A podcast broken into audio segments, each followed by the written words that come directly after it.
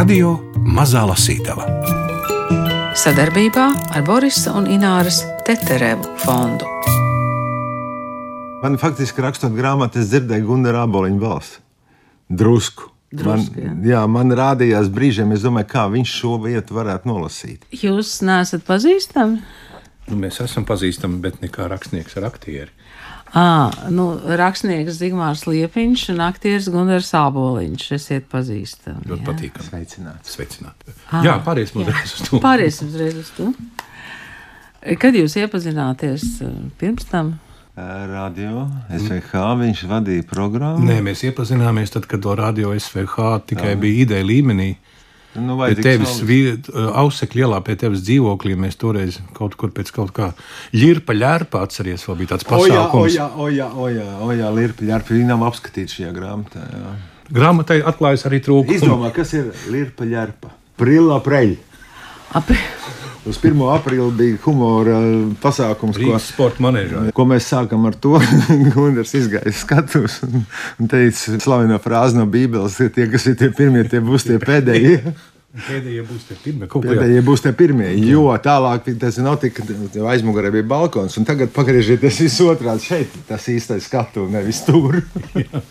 Tas jau bija paredzams, ka Zigmāra Liepiņa un Gundara Āboliņa satikšanās studijā varētu izvērsties par traku smiešanos un dažādu piedzīvojumu stāstīšanu. Tāpēc visnotaļ nopietnu sarunu ar komponistu Zigmāru Liepiņu, kurš tagad ir arī memoāru grāmatas muzeīka autors, varat noklausīties Kultūras rondo arhīvā. Radio mazajā lasītavā tikai dažas epizodes no grāmatas, kas visvairāk atbilst šveika vai čapeka stilam. Gan jau jūs izlasīsiet arī tās ļoti nopietnās epizodes gan no dažādu mūzikas grupu, gan mūzikas biznesa laikiem, no radio SVH vai operas vadīšanas gadiem. Tātad tagad dažas epizodes no Zigmara Liepiņa memoāriem Mūza Īka. Nu, tad ņemšu šeit vārdu un lasīšu. Studiju noslēgums un zvaigznīte. 1976. gads ienesa būtiskas pārmaiņas manā dzīvē. Vispirms valsts eksāmena konservatorijā, specialitātē, kamerā ansamblī un koncertmeistara eksāmenā augstākā tā laika atzīme - pieci. Bet šausmas radīja brīnišķīgais eksāmens zinātniskajā komunismā. Tā bija viena nolāpīta mācība, kas ietvēra PSKP vēsturi, dialektisko materiālismu un sociālismu politekonomiju. Jau šie vārdi vien iedvež šausmas, nerunājot nemaz par saturu, kuru nekad nebija pūlējies apgūt un saprast. Savā starpā zirgojāmies, ka mums skaidras galvenās lietas. Leņņņins ir mūžam dzīves, Viņa grāmata viens solis uz priekšu, divi atpakaļ nodara par pamācību dejošanā. Un viņa svarīgākais citāts ir, ka lielkrievu šovinisms ir bīstamāks nekā maztautība nacionālisms. Bruņojos ar šīm zināšanām un kādas izpalīdzīgas un cītīgas kursa biedrenes špikeru čupu devos uz eksāmenu. Man aizdomas, ka pasniedzēji izlikās nemanām mūsu špikošanu. Kaut kādā mistiskā veidā man izdevās dabūt knapu trīnieku, un ar to man pilnīgi pietika. Diploms bija rokā. Es zinu, ka daudzi absolventi studiju gadus vēlāk atceras kā labāko savas dzīves posmu. Man tā nebija, un es gadiem pat neiegāju konservatorijas telpās. Mana dzīve jau ilgu laiku notika citā dimensijā. Ne labākā, ne sliktākā, bet vienkārši citā. Koncertu dzīvē nekas nebija mainījies. Viss notika, bet virs galvas karājās Dāmokla zobens dienests padomju armijā. Normāli vajadzēja dienēt divus gadus, bet ar augstāku izglītību vienu, pusotru. Vienu? Un tad tu vēl izspruki ar vienu, es jau iekritu uz pusotru. Un vēl bija tāda lieta, ka kādas armijas daļas pulkvedis Rīgā pie sevis vāca jaunos konservatorijas absolventus, mūziķus un aktierus uz ansambli Zvaigznīte. Tas bija sācies jau pirms 11 gadiem, un tajā ir spēlējis Udis Stabulnieks, Gunārs Rozenbergs un citi. Šeit vietā pieminēt Vladilēnu Lando, pulkvedi, kurš bija absolūts izņēmums visas padomju armijas brašajās rindās. Divmetrīgs gruzīns, kurš pirms kara bija studējis teātras skolā kaut kur Krievijā. Viņš, kā jau teicu, bez mūziķiem pie sevis vāca arī aktierus. Tā nu zvaigznītē nonāca arī Valdemārs Šoriņš, Guntis Krastīņš, Aivars Pūcītis, Valdis Lūriņš. Pēdējais nospēlēja lielu lomu manā attīstībā kā teātris mūzikas komponistam. Bet par visu pēc kārtas. Pienāca pavēste. ierasties kara komisariātā tādā un tādā dienā, tikos un tikos. No turienes pārveda uz Abizjaņiku komplektācijas bāzi dzelzceļa tuvumā. Šķiroja, grupēja, vētīja un salīdzināja, mērīja un pierakstīja. Prātā maisījās domas, bet Janu kļūdās un aizsūta LE ratā uz nekurieni. Tomēr Lando bija parūpējies, un viss notika precīzi. Kāds feldfēbelis nosauca uzvārdus, un no kopējās grupas izgājām mēs, izredzētie. Pēc laika mūs aiztransportēja uz karaspēka daļu pie Daugavas sporta nama un sveika armija uz redzi brīvā dzīve. Nostādīja ierindā, izdalīja formas tērpus, ierādīja gultas vietas kazarmās un aiziet uz instruktāžu. Tātad armijas statūte, jeb krieviski uzstāv, ir visa pamatu pamats. Kā tevi no brīvi domājoša cilvēka padara par bezdomu, bezpersonisku robotu klausīt pavēlēm bez ierunām, izpildīt burtiski visu tieši tā, kā rakstīts ustavā, lai cik tas stulbi arī liktos pat pogu, savstarpējie attālumi pie šineļa bija norādīti milimetros, kurus staršina ar lineālu pārmērīju. Gultas klāšanai bija paredzēti speciāli dēļi, ar kuriem saga pēc uzklāšanas bija jānogludina, un ap matraci jāizveido 90 grādu leņķis. Spilvenam uz centimetru jāatrodas savā vietā, un tā tālāk. Rītrosmas laikā tas viss tika pārbaudīts, un sākuma posmā par neprecizitāti gulta bija jāpārklē vēlreiz un vēlreiz. Un par katru kļūdu varēja dabūt tā saucamo ārpuskārtas darba norīkojumu, nu, narjadu. Mm -hmm. Vissliktākais bija darbs virtuvē, kur sots bija tīrīt lielo putras katlu. Tādu grāpi, kurā pieaudzis cilvēks, iekāpjot knapi galvu virs malas, varēja pacelt. Man šis prieks negadījās, bet tie, kas norāvās, teica, ka nekā pretīgāk par mīcīšanos pa putras atliekām mūžā nesot pieredzējuši. Tomēr mums, izredzētajiem, dzīve mainīja tas, ka katru rītu bija jāspēlē parādas marši, un jaunais iesaukums vēl nebija samēģinājis, līdz ar to mums pienācās mēģinājumi. Tātad, kamēr citi cītīgi trenējās salmi, sienas, ierindas mācībā, mēs mūzikas istabā sākām apgūt padarmijas mūzikas nemirstīgās vērtības. Man kā ansambļa vadītājam pienācās diriģenta funkcija. Un, ja nu ir viena lieta, ko varu atklāti teikt, tad nemūžam nebija neko diriģējis. Piedāvām man bija ļoti attāla sajēga par pūtēju orķestri. Taisnība sakot, tas orķestris jau tāds ansamblis vien bija. Kādi septiņi, astoņi, trompete, alts, baritons, tuba, mazā bunziņa un lielā bunga, un diriģēšana bija tikai un vienīgi sākuma un tempa parādīšana rītparādē. Sākums bija izšķirošais notikums, kad pulkvedis bija saņēmis ziņojumu no zemāka ranga virsnieka, ka daļa ir nostādīta un gatava doties cīņā par jaunām darba, nu, strojbats taču, uzvarām. Viņš gāja sasveicināties ar katru rotu, Man ar ērgļa aci bija jāskatās, kad viņš paceļ kāju, un tajā mirklī, kad pēda pieskaras zemē, bija jāatskan marša pirmajai notī. Tālāk viss ir kā vienkārši, bet tempam vajadzēja būt ne par ātru, ne par lēnu - apmēram 108 soļi minūtē. Pirmajās nedēļās staršina Daņīlins regulāri bļāva uz mani vienu dienu par ātru, otru dienu par lēnu. Īstenībā temps vienmēr bija vienāds, vienkārši vajadzēja ierādīt man vietu, kurš te ir galvenais. Gāja nedēļas, un mums vajadzēja sākt gatavot programmu, kas veltīta armijas dienai. Tā kā uz vietas mēģinājuma telpas nebija, tad vienošanās rezultātā tika atrasta mēģinājuma iespēja kādā ugunsdzēsēju klubā pie Grīziņkalnu parka Jāņa Asarielā. Gandrīz katru vakaru varējām doties uz turieni bez virsnieku pavadības. Tā jau bija laime. Atbildīgais bija seržants Juris Duše Gubiņš kurš pats arī nedaudz spēlēja bungas. Viņš bija precējies, un ironiskā kārtā viņa sievai uzvārds bija Samorezovā. Duše gubiņš un Samorezovs. Kas saprot krievu valodu, tam šī kombinācija izraisīja smaidu, bet ņirt jau daudz nevarēja. Priekšnieks taču Bet manās rokās bija cita vara. Ja man kāds aizskāra, tad ar pilnām tiesībām varēja pateikt, ka tas ansamblī nespēlēs, jo neatbilst līmenim. Tāda bija tā sadzīvošana. Vēlāk mums atrada jaunas telpas artērijas ielā, kur īpašā priekšrocība bija netālā pīrādziņa pārdotā krāsotā ielas stūrī. Ko karavīrs muzikants vēl var vēlēties? Uzspēlēt savu instrumentu un pa laikam uzkost siltu speķrausi. Gunārs Aboliņš lasa Zigmāra Liepiņa memoārus Mūze Īka, izdevis Pētergailis, autors uzmanīgi klausās. Laikam ejot, apguvu dažādas prasmes. Pamazām visi bija pieraduši, ka esmu nozīmīga persona. Atlika tikai izdomāt ieganstus, lasi melus, lai dotos prom svarīgos darbos. Nē, vispār es to zinu, ar lasu kā autobiogrāfiju, jo es dienēju dažus gadus vēlāk dziesmu un deju ansamblī, kas principā daudz neatšķīrās.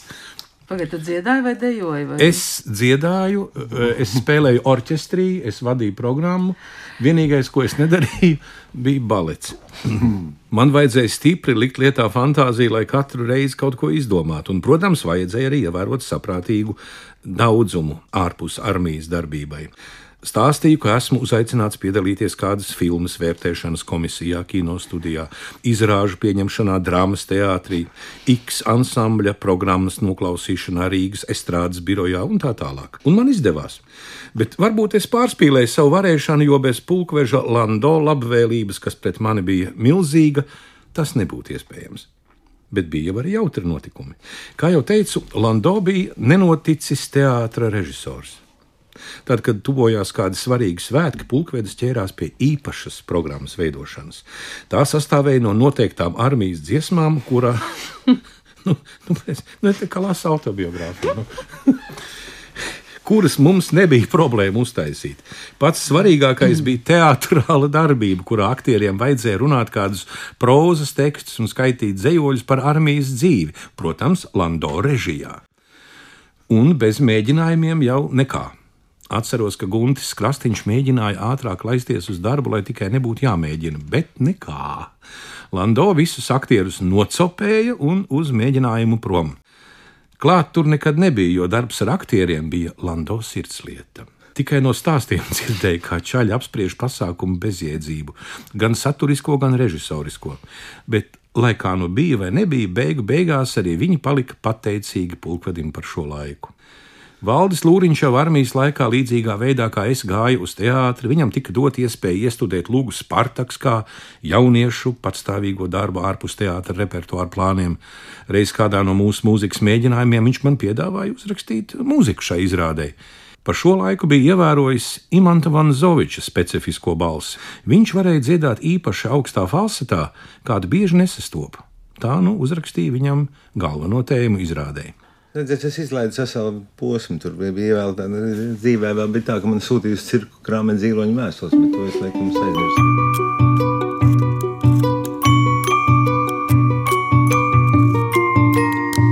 Radio Mazā Lasītava. No 70. gadu beigām zvaigznītē mēs pārlecam uz 80. gadu vidu opus laiks un kāds neaizmirstams brauciens. Kronis visam! Bija nakts Taškentas lidostas viesnīcā. Mēs vienkārši ielicām citā laikā. Jā, šis ir baiglabs. Tur bija klasiska situācija, kā slavenajā repina gleznā ņeždaļi. Mūs tur neviens negaidīja. Tuvojās vakars, viesnīcā brīvu vietu nav. Kaut kā mūsu izdarīgais administrators Miša Suļskis sarunā vienu numuriņu dziedātājām Irai Kraujai un Aijai Cakulē, bet vīriem izdodas atrast vietu sastā stāva kazarmu veida jumta telpā ar divu stāvu gultām kādiem 150 cilvēkiem. Tas ir Taškents lidostā. Tur ieejot, konstatējam, ka kopējais nemazgātu cilvēku skaits rada tādu aromātu, kas stipri pārspēja tā laika Rīgas cirka zvēru nodalījumu dvingu. Skaidrā prātā šeit gulēt nebija iespējams, jo dvaku vēl papildināja dažādu atraugu, vaidu, krāpšanas, gāzu izdales, trokšņu daudzveidība. Aizgājām, aizgājām uz tuvējo parku, paņēmām līdzpaņemto un ap pusnakti pievienojāmies korim. No rīta nekur nebija jāsteidzas un gulējām ilgi. Kad pamodāmies un taisījāmies doties dzīvē, sapratu, ka bez mums te vairs neviena nav, visi aizlidojuši. Muti nomazgāt nav paredzēts, jo izlietnes nemaz nav, bet toalete vismaz ir. Taisa vaļā durvis un neticu savām acīm. Pots nav redzams. Tas apkrāmēts tā, ka noklāts no visām pusēm. Nesaprotamākais bija tas, kā viss bija tādas piramīdas formā, kur neizskaidrojamais kā pēdējais veicis svarīgo procesu. Vai viņš pie lampas turējies vai kā? Es nezinu. Bet šeit ne, nekas nebija darāms. Punktu pielikt tas, ka ejot pa trepēm lejā pretim, elzdama, pūzdama nāca veca sieva ar diviem spaiņiem un lupatu. Ūdens sastajā stāvā nebija, tāpēc nācās to nest no lejas. Kā viņa to kaudzi ar diviem spaiņiem un lupatu tīrīja, skatīties negāju, bet domāju, ka skats bija iespaidīgs. Mēs pusotrā mēnesī apbraucām visu Vidusāziju. Fenomenāls melonas un citi augļi.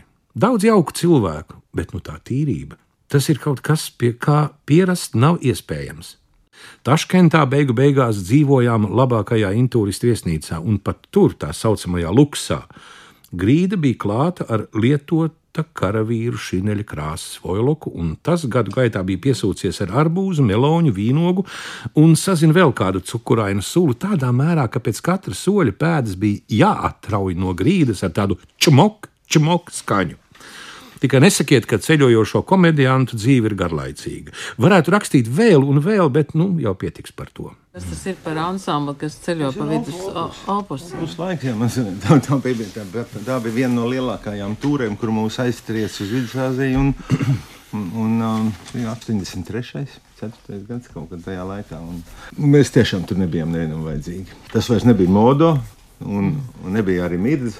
Kaut, kaut kur mēs tur muļķājāmies eh, pa visām piecām Vidusāzijas, eh, tagad jau valstīm, un toreiz republikām. Un, un neko, nu, kaut kur, kaut kur spēlēm. Nu, tur daudz ir. Arī 90. gadu sākums ir pilns ar dīvainiem notikumiem, piemēram, kāda Igora Popova dzimšanas dienas svinības.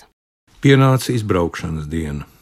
Satikāmies lidostā, jo tiem, kas bija aicināti no Latvijas, ar čārteru reisu jālido uz Odesu no kurienes sākas reiss apkārt Eiropai ar galapunktu Rīgā.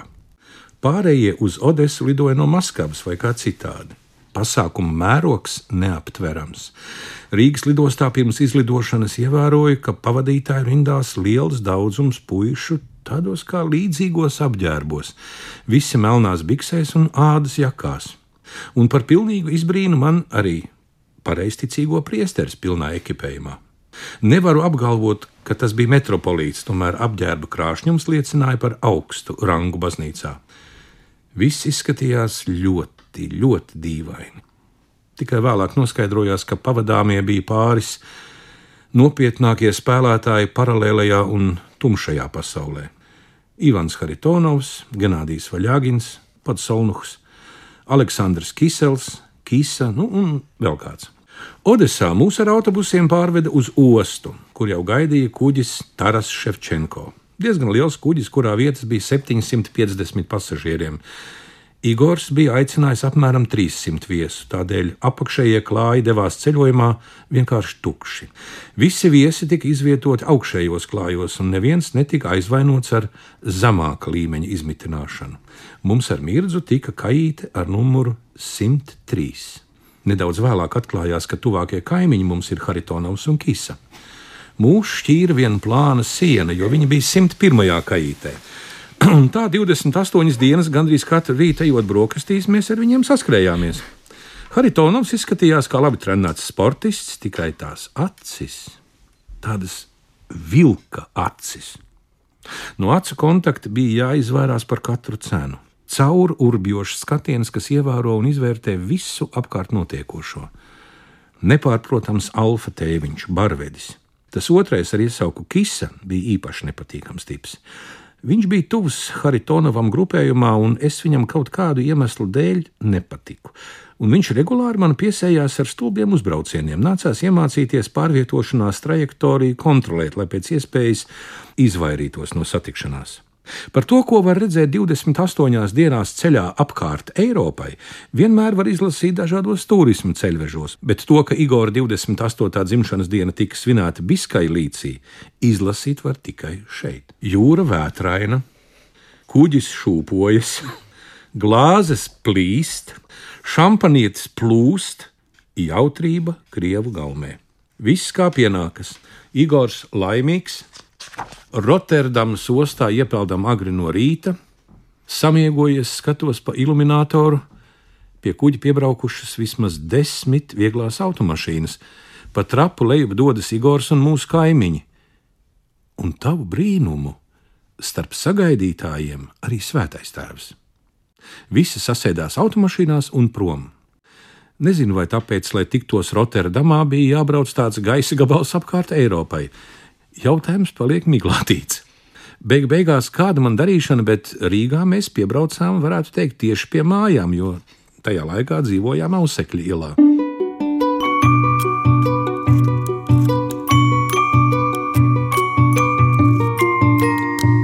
Radio Mazā Lasītava. Es starp citu gribēju, lai Gunārs palāst mazliet no Jā, dienas grāmatas. Es teiktu, ka varbūt eh, interesantāk ir kā kopmītnē aplēja eh, pa- partijas vēstures grāmatā aizdedzināja. Un, jeb arī tas, kā es ķurķī sēdēju vienā. Ceturtdiena, 2014. gada 9. janvāris. Mēģinājums Rienci. Zirgs uz skatuves nervos. Tenors no Vācijas sāk sūdzēties par zirga matiem, kas lidojot pa gaisu, kad zirgs purinās. Viņam esot alerģija. Delnholma, nu, režisori, lai pārtaisot scēnu. To izdodas nokārtot, bet tas neizslēdz čūras un kakas uz skatuves, jo lopiņš jau ir lopiņš. Jāatceras, ka skatuvē ir slīpums uz orķestra pēdas pusi. Piektdiena, 10. janvāris. Dekorācija ceks pieprasīja algu palielinājumu un darba apstākļu uzlabošanu. Naudas nav, ko darīt, nezinu. Pirmdiena, 13. janvāris. Koristi ar Ļūļu Franskeviču priekšā uzrakstīja petīciju par to, ka Merija ir slikts, apdraud drošību un veselību, un nobalsoja 37 pret. Diez kas viņam deleģējas tādas tiesības, jo pieņem darbā taču administrācija. Sviests gatavais. Uzaicināja Nastapševu, piedāvāja padomāt par Manonu Lesko, Pučīnī vai par zelta zirgu kopā ar lāci. Manonu grib, bet zirgu nu tā. Spiež uz nīmani. Tas, manuprāt, nedara, jo jūtu viņu kā minimalistu. Otradiena, 14. janvāris, dekorācija ceks grib algu paaugstinājumu. Mazas jau nu tās ir. Un darba apstākļu uzlabošanu visam varētu piekrist, bet naudas jau nav un vairāk nebūs. Domāju, ka būs lavīna veidīgs process, kurā pavilksies līdz vēl daži dienesti. Trešdiena, 15. janvāris. Kā jau domāju, tehniski rakstot petīciju, rīt redzēs, kas un kā, bija galanti atnākusi ar savu meitu. Gribu solo koncertu un sadarboties Summertime. Atbildēja, ka viss no naudas atkarīgs. Orķestris būs jāapmaksā viņai. Vēlāk atnāca Pēters Vaivars. Runājām par Japāņu iespējamo sadarbību. Vakarā Rienci un ģenerālis ar TV. 17. janvārs piekdiena. Domāju, ka nekas īpašs nenotiek. Te nu bija. Grieķis nemaksā baletam par viesizrādēm, pazudis un viss 78,000 eiro. Jauki! Un tam klāti tehniski atnes petīciju par algas palielināšanu. Es jau 14. janvārī par to rakstīju. Šovakar ir Rienci un Rīga 2014 atklāšana. Prezis nāk un lēšu prezienu arī, un, protams, visa šaika no Rīgas 2014 lūgtie, un būs jautri paklausīties spriedelējums par izrādi. Sesdiena, 18. janvāris, principā izrāda neizdevās, mūzika, dziedātāja koris ok. Vizuālais, ko Delholmas solīja, bija statisks un neinteresants - zirgs. Kāpēc? Beigās bērni ar šautenēm un Lāzera Kalašņikovs. Nu, kāpēc par tādu naudu, 300 tūkstošiem eiro? Nu, vai zini? Es redzēju to Rienci. Jā, iet uz vērmanas dārza par kārtības sargiem, tas nebija tas. Tas arī nav slikts stāsts. Liela duša, laimīgas beigas.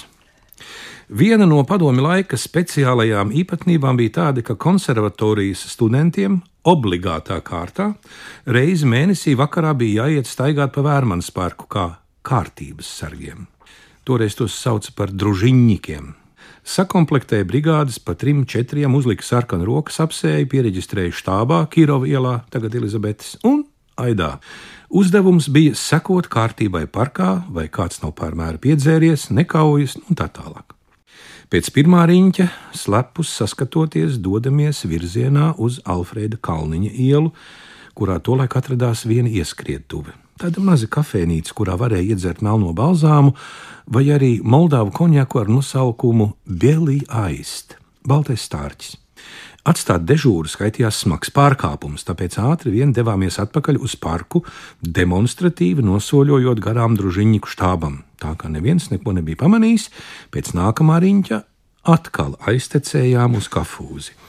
Kas var būt labāks kā pastaigas svaigā gaisā, saturīgās sarunās ar kolēģiem, studentiem par kolēģiem, studentēm, jaunāko anekdošu apskats un mērena spirtoto lietošana.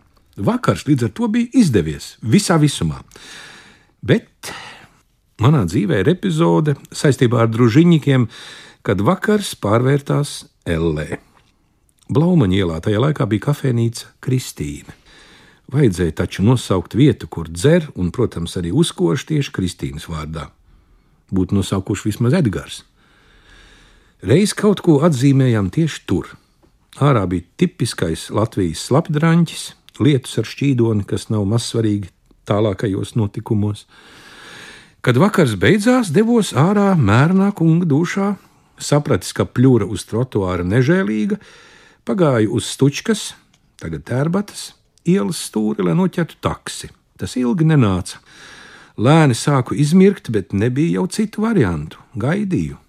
Beidzot nāk, vicinu roku, ierauga mani un sāk stāties, slidinās brauktuvas dēļ uzreiz nenobremzē un apstājas dažus metrus tālāk. Es dodos uz tā pusi, bet viens nekauņi jau lien taksī. Gara acīm redzu, kā slabdraņķī stāvēšu vēl stundu, saķeru to ķēmu aiz apakles un neļauju viņam iesaisties. Šis kaut kā mēģina izrauties un man iesit. Netrāpa, es arī situ Nebija kāvies kopš skolas laikiem, bet nu, alkohols atbrīvoja bremzes. Trāpu, bet tajā pašā sekundē man no mugurpuses izlauž rokas. Družiņķi. Mēģinu teikt, ka tas tips rāpās taksī, ko bija apturējis, bet šie nesaprot vai negrib saprast, jo ir krievi, vedīšot mani uz štābu. Tā nu viņi četratā, pilni izpildītas pienākuma apziņas, ved mani uz savu štābu Dzirnavielā. Štābs, kā jau tādi štābi mēdz būt, bet kaut kā tas mani toreiz īpaši tracināja. Nesevišķi lielā telpā bija kādi seši krēsli. Nodriskātie dermantiņu padirseņu šuvēs plīs pušu tā, ka uz asajām malām bikses varēja pārplēst. Pie sienas dažādi plakāti par civilo aizsardzību, kā un kad gāzmaskas valkāti un visādi citādi mēsli. Vecs rakstām galds, kuram laka jau daudzās vietās noberzusies, uz tā PSRS un LPSR karodziņš, Pie sienas mūžam dzīvais Leņņņins un vēl kāds sauklis par družiņņiku nozīmi padomi cilvēka dzīvē. Aiz rakstām galda sēž vīrs, tā drusku piepūties no sava svarīguma, sāk man pratināt. Krieviski. Skaidri dzirdu latviešu akcentu. Es tajā laikā pilnīgi noteikti ikdienā par nacionālajiem jautājumiem nedomāju vispār. Nevar pateikt, kāds vēlns man ir austījais mēlis alkohols, katrā ziņā sāku viņam atbildēt latviešu. Viņš saka, man jārunā krieviski. Es viņam, lai runā latviešu, jo viņš taču ir latvietis. Īsāk sakot, konflikts smags. Šis kļuva sarkans un izsauca miliciju. Nebija ilgi jāgaida, kad ekipāža klāt. Nu jau vairs nekāds politiski. Bobikā iekšā un prom uz iecirkni revolūcijas, tagad Matīs ielā. Tur atņem šāli, jostu, pulksteni, naudas maku, vēl kaut ko un kabūzi iekšā. Paiet laiciņš un izsauc mani ārā, jāparaksta protokols.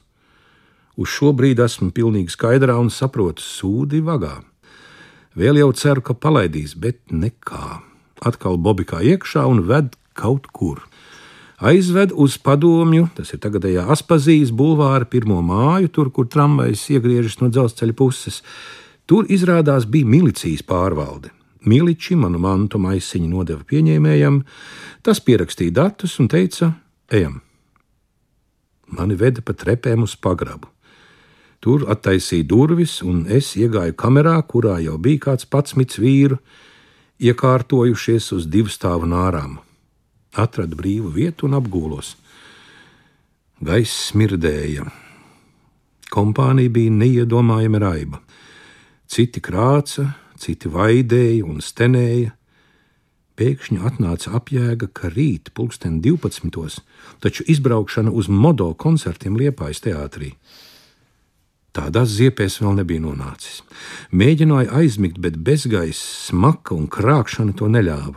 Pa galvu rosījās izmisīgas domas, ko darīt, ko darīt. Kādā brīdī izdzirdēja tramvaju skaņu. Tur bija līkums ap stūri, un riteņi rīvējoties pret sliedēm, izdeva griezīgas skaņas. Varēja būt ap sešiem no rīta. Lēni sāka mosties cita bēda brāļi. Te pēkšņi atvērās durvis, un viens kruķis nobļāvās celties uz toleti. Nostādīja mūsu koridorā rindā, saskaitīja un aizveda uz toleti. Nekāda tā nebija tolete. Atteja tā bija. Tāda atteja, kādu nebiju un neesmu vairs redzējis. Telpas vidū grīdā bija milzīgs, četrkantīgs caurums. Katra mala apmēram divus metrus gara, stāvēja vīri ap šo bedri un čurāja. Pus aizmiguši, pohaini, blenzdami koloākā. Par nopietnāku darīšanu pat prātā neienāca, tāpēc to izpriecu aprakstīt nevaru.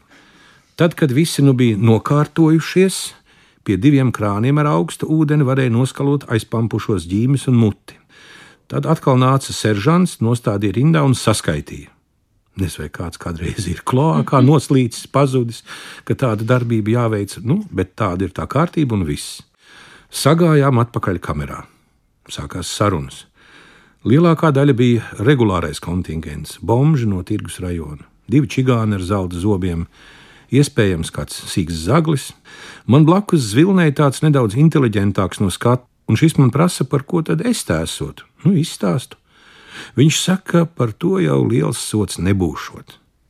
Ko?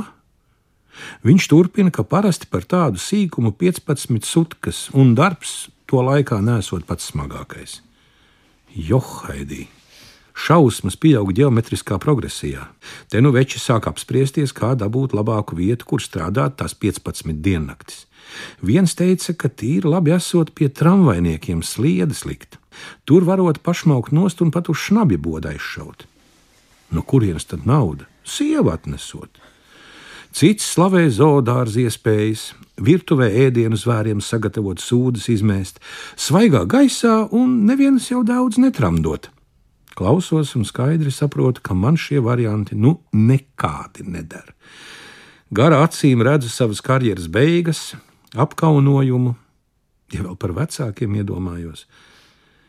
Manas pārdomas pārtrauc kruķis, kurš pie durvīm nobļāvās Nazāftraks, Strojca, tas ir uz brokstīm stāties. Aizmaršējām uz vietu, kuru ļoti nosacīti varētu saukt par ēdnīcu, bet vismaz uz durvīm bija uzraksts Stolovaja. Izrādās, ka pa nakti te savestas arī dāmas. Tā īpašā kategorija ar sadauzītām, nozilinātām sejām pillā, kas velkas līdzi attiecīgajiem džekiem, lamājoties un cerot uz kādu lāsītu alkoholu. Četras sieviešu veidīgās būtnes bija pieliktas pie darba. Tās griez rikās ķieģelīti un lēja tēju stiklu glāzēs. Tas tad arī bija brokastis. Ne uz ko vairāk sabiedriskās kārtības pārkāpēji nevarēja cerēt. Apēda savu maizi šķēli, izdzēra tēju, kas garšoja pēc salmiem, un kopā ar visiem devos atpakaļ uz kameru. Galvā skan imkas dziesma, septiņas skumjas zvaigznes, kas mūs gaida. Man blakus dirnošais ar inteliģento seju saka, tagad jau drīz vedīšot uz tiesu. Mana šausmas sajūta bija pārsniegusi visus iespējamos līmeņus, vismaz divas reizes. Prasu, kā tas notiek. Viņš tā priecīgi stāsta, ka tas esot ātri. Visiem 15 sutkas un miers retu reizi vairāk. Šeit vietā piezīmēt, ka tajā laikā nebija mobilo telefonu. Prātā šaudās domas, kā paziņot par savu situāciju modo, kā esmu apcietināts uz koncertu netieku. Tādā garā, pa to laiku seržants Vasja jau komandēja ārā, nostāties rindā, saskaita, un tad uz izēju.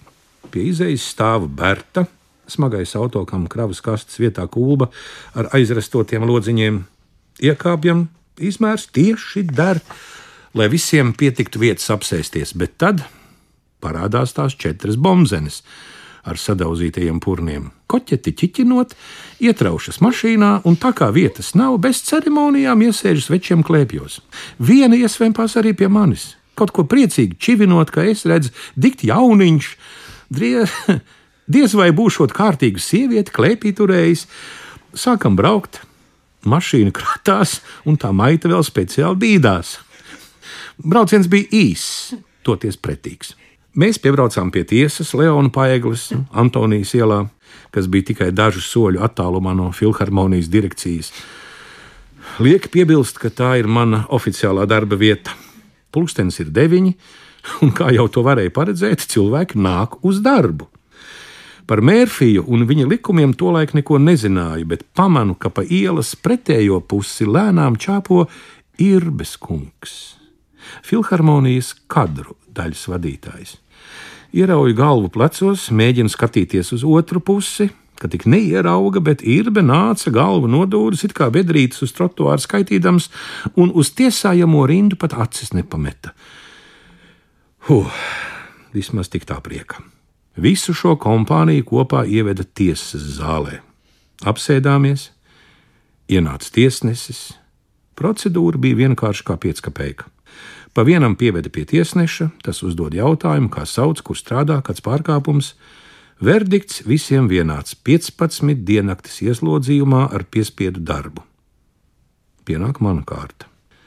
Tiesnesis acis nepacēlis no papīriem, jautā vārds - Zigmars, uzvārds Liepiņš. Darba vieta - Latvijas PSR valsts filharmonija Raimonda Paula ansamblis. Viņš pirmo reizi paceļ acis un nenovalda smieklus, izlaižot tādu kā spurts, spurtdzienu. Kas tad? Nu, šis jautā. Nu, es stāstu tā un tā. Tiesnesis ieķeksēja kaut ko papīros un turpinot plati smaidīt, saka, 30 rubļu sots par kārtības noteikumu neievērošanu sabiedriskā vietā. Derēs? Laime, kur tu rodies? Pēc 15 minūtēm saņēmu atpakaļ savus īpašumus, paspēju vēl nomazgāties, un 12. kā štiks bija klāt izbraukuma vietā pie lielās ģildes.